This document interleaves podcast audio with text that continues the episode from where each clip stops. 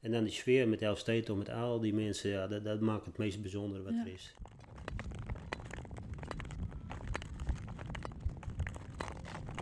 Hoi, ik ben Jessica en ik schaats.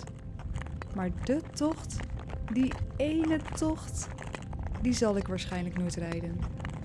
Dus ik ga de verhalen ophalen van de mensen die hem wel hebben geschaatst. En in deze Elfsteden podcast neem ik jullie mee op mijn reis.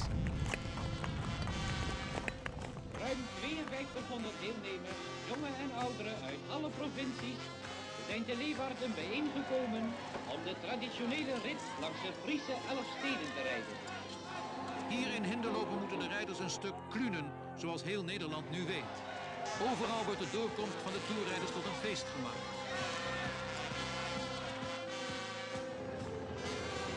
Het is tenslotte Evert van Bentum die juichend als eerste over de streep gaat.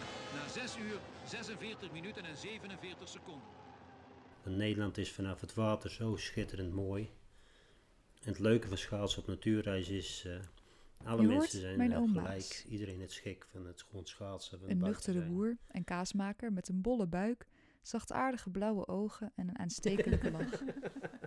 Als klein jongetje krabbelde hij achter zijn oudere broer, mijn vader, aan op de slootjes achter de boerderij. Grappig. Zo begon het voor mij ook in 1997. Als vijfjarig meisje stevig door mijn moeder ingepakt, wiebelend op die kleine ijzertjes op datzelfde slootje achter de boerderij. Terwijl ik daar zo een beetje aan het krabbelen was, spelend met mijn neef en nichtjes, was mijn oom onderweg naar Friesland om als toerrijder de Elfstedentocht te schaatsen. Hij reed hem al twee keer eerder.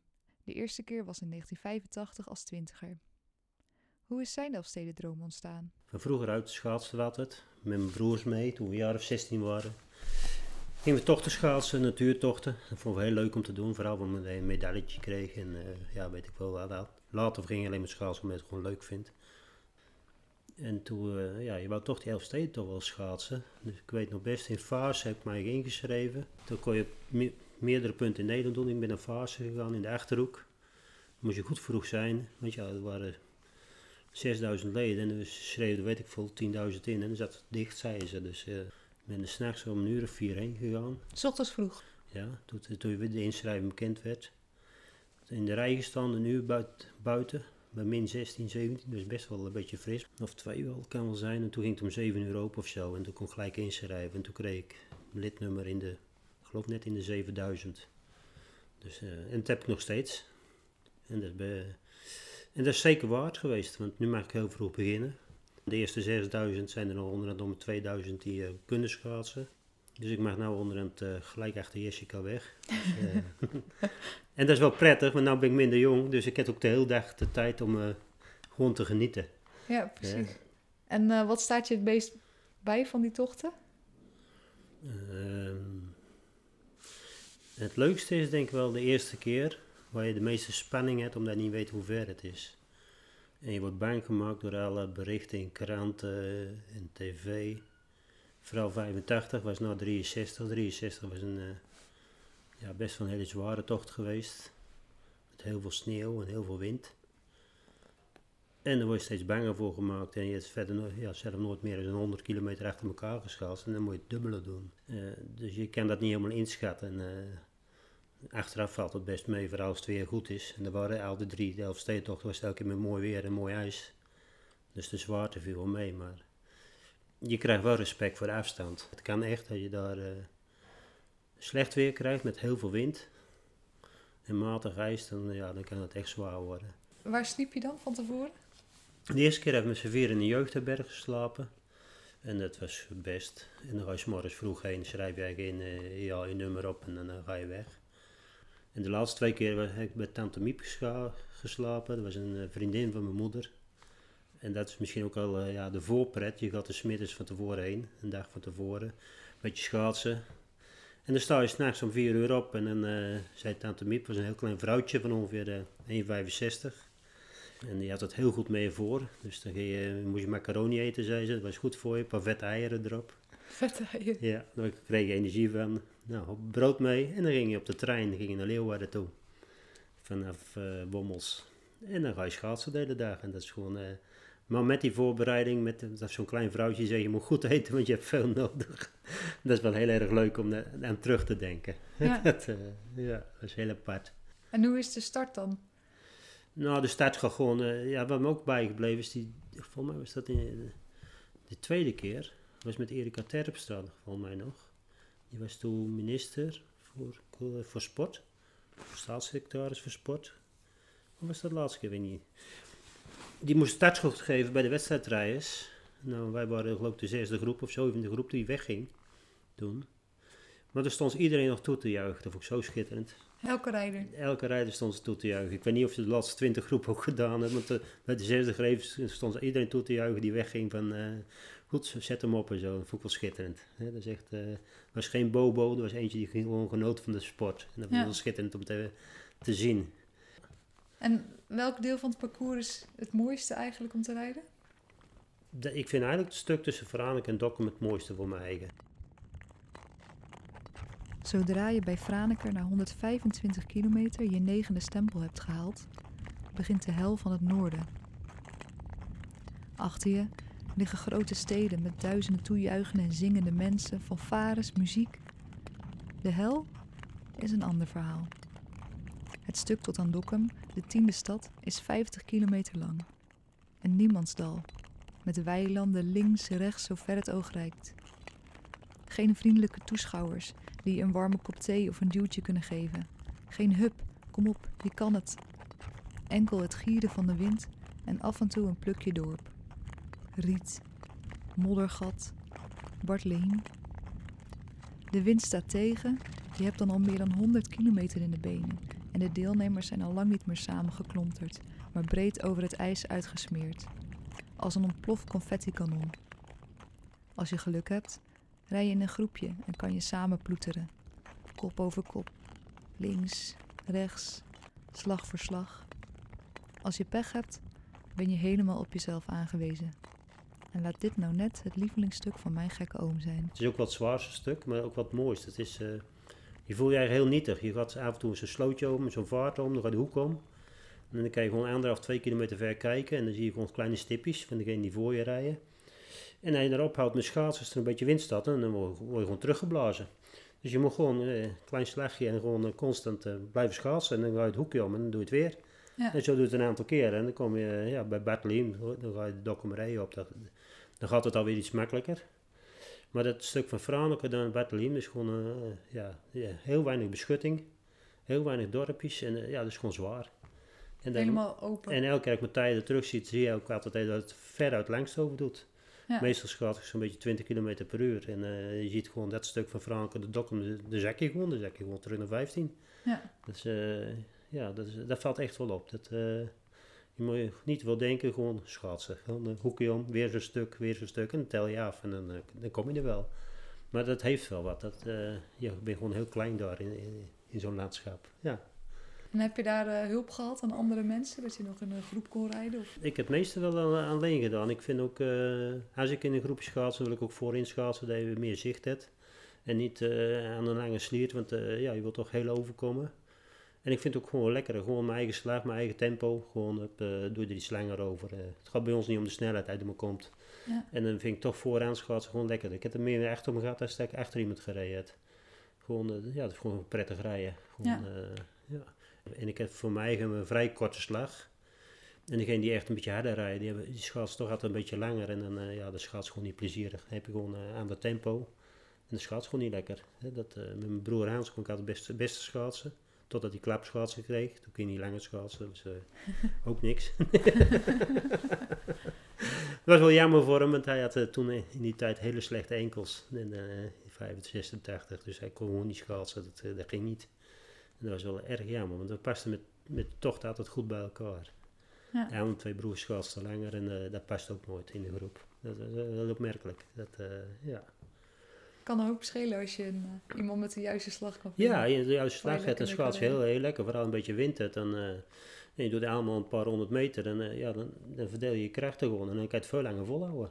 En Ja. anders moet je gewoon, ja, gewoon nuchter zijn. Een tempootje lager. En dan kan je het ook langer volhouden. Dat, ja. Maar de mooiste belevenis is wel eigenlijk gewoon door, die, door die steden heen. Met fanfarekorps en iedereen. Nou, je krijgt net zoveel te eten en te drinken aangeboden. Maar vooral het enthousiasme van die Friese, dat is heel apart. Daar word je gewoon heel warm van. Dat, eh, dat is belevenis. Dat is één groot feest in zo'n dorp. En je haalt op voor iedereen blijven ze klappen. Ja, dat is he- heel bijzonder. Het is gewoon enorm hoe gastvrij die Friesen zijn. Dat iedereen meeleeft en eh, ja... Ik denk wel als die weer komt, dat ik dan echt eh, sommige steden twee keer doe. Zoals Franeker en Dokkum, dat je denkt dat ik terugschaats en nog een keer doorgaat. Want het is heel apart. Ze juichen voor iedereen en dat is, eh, ja, daar krijg je een aparte kick van. Ik kan gewoon. nou, ik denk als jij wedstrijd hebt, dan, dan ervaar je dat ook niet met die mensen. Dan ben je met andere dingen bezig. ik denk wel dat je hier en daar, eh, in sommige dorpen zit wel op pek, of sommige steden, maar als het echt spannend wordt, ik denk dat je dat ook amper door hebt. Ja. Dan ben je alleen maar druk van ik moet stempelen, ik moet zo gauw mogelijk weg en eh, moet Ja, opletten, stempelen opletten, ook op, nog. opletten. ja. Dat heb ik ook nog nooit gedaan. ja, nou dat is niet zo moeilijk, je krijgt een kaart, maar je stempelt die al. Ja. En niet vergeten, anders moet je omkeren of word je gedisqualificeerd. Ja, dat is wel heel erg sneu. Het hoort er gewoon bij. En, eh, ja, het is ook wel leuk dat ze dat als traditie blijven houden. Ja. Ik vind het wel knap dat ze dat... eh eh, je Elfsteden toch goed bekijkt, het is nog steeds met allemaal vrijwilligers. Helemaal geen commercie erbij. En, eh, ik denk dat ze dat ook moeten koesteren. Dat, eh, dat dat ook juist de bijzonderheid meebrengt. Maar ik vind het echt eh, lastig voor te, voor te stellen hoe het zou zijn. Ja, In 1997 was ik eh, zes jaar. Dan weet ik er helemaal niks meer van. Nou ja, het, is- het is gewoon... ja, ik vond het de laatste keer was ook wel leuk. Ook mijn broer ging kijken en zo. Ook allemaal, ik kom je ook wel weer tegen onderweg. En dat, ja, dat is gewoon apart. En dan die sfeer met Elfstetel, met al die mensen. Ja, dat, dat maakt het meest bijzondere wat Ja. er is. Dat, kijk, natuurschaatsen is gewoon leuk. Hè? Overal schaatsen. Het, is heel mooi in Nederland vanaf het water. Hè, lekker die wind om je heen en gewoon lekker je hoofd leegmaken. Je hoeft nergens aan te denken. Alleen maar lekker eh, links, rechts, links, rechts. En, eh, ja. en dat een paar uur doet, ga naar huis en dan ga je weer dag weer. Schaatsende boeren. Of is het boeren de schaatsers? Het lijkt een gouden combinatie. Kijk alleen al naar de bekende winnaars. Spruitjeskweker Henk Angenent, boerendochter Leni van der Hoorn en melkveehouder Evert van Bentum. Vlak voor zijn twee Elfsteden-overwinningen leerde Evert kaas maken van mijn oom. Ja, dat was wel heel leuk om te hebben. Voor die tijd, eh Evert had een klein bedrijf en die wou kaas maken om eh, ja, meer inkomsten te hebben. Een enorme gedreven man. En die hebben we daar ontmoet met kaas maken hier thuis ook en zo. En eh, met Jeanette. En dat was voor 1985. Ja, voor 85, voor de wedstrijd was. Ja. En die man was zo gedreven. En eh de hele familie is gek schaatsen daar ook. De bijzonder aardige mensen, ook altijd gewoon gebleven.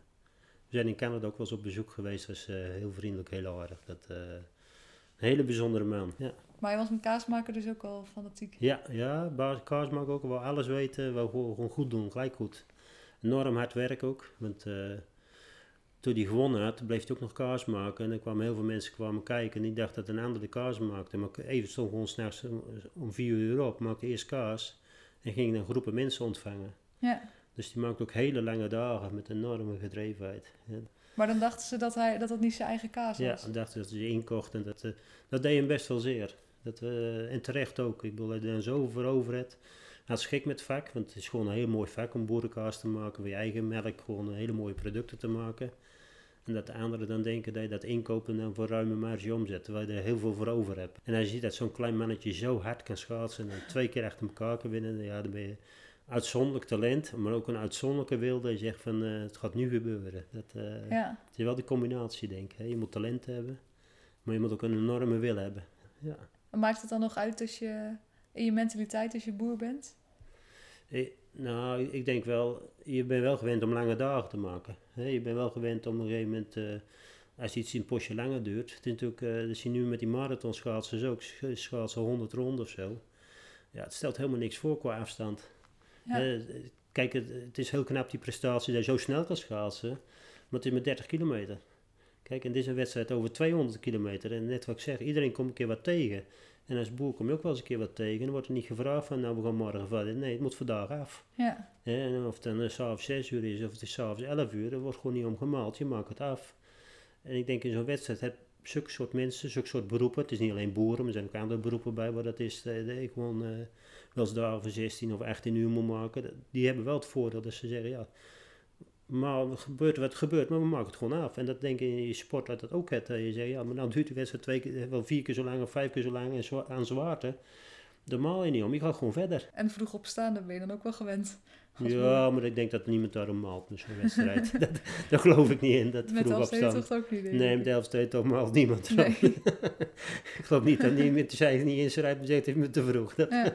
En ik denk, ja, van tevoren slaap je toch al niet veel. Nee. nee. Heb je wel een oog dicht gedaan, überhaupt? Ik wel, ja. Nee, de, eerste keer minder. Daar ben je toch heel erg mee bezig. Omdat ik bang gemaakt ben dat het zo zwaar is. En eh, door de media.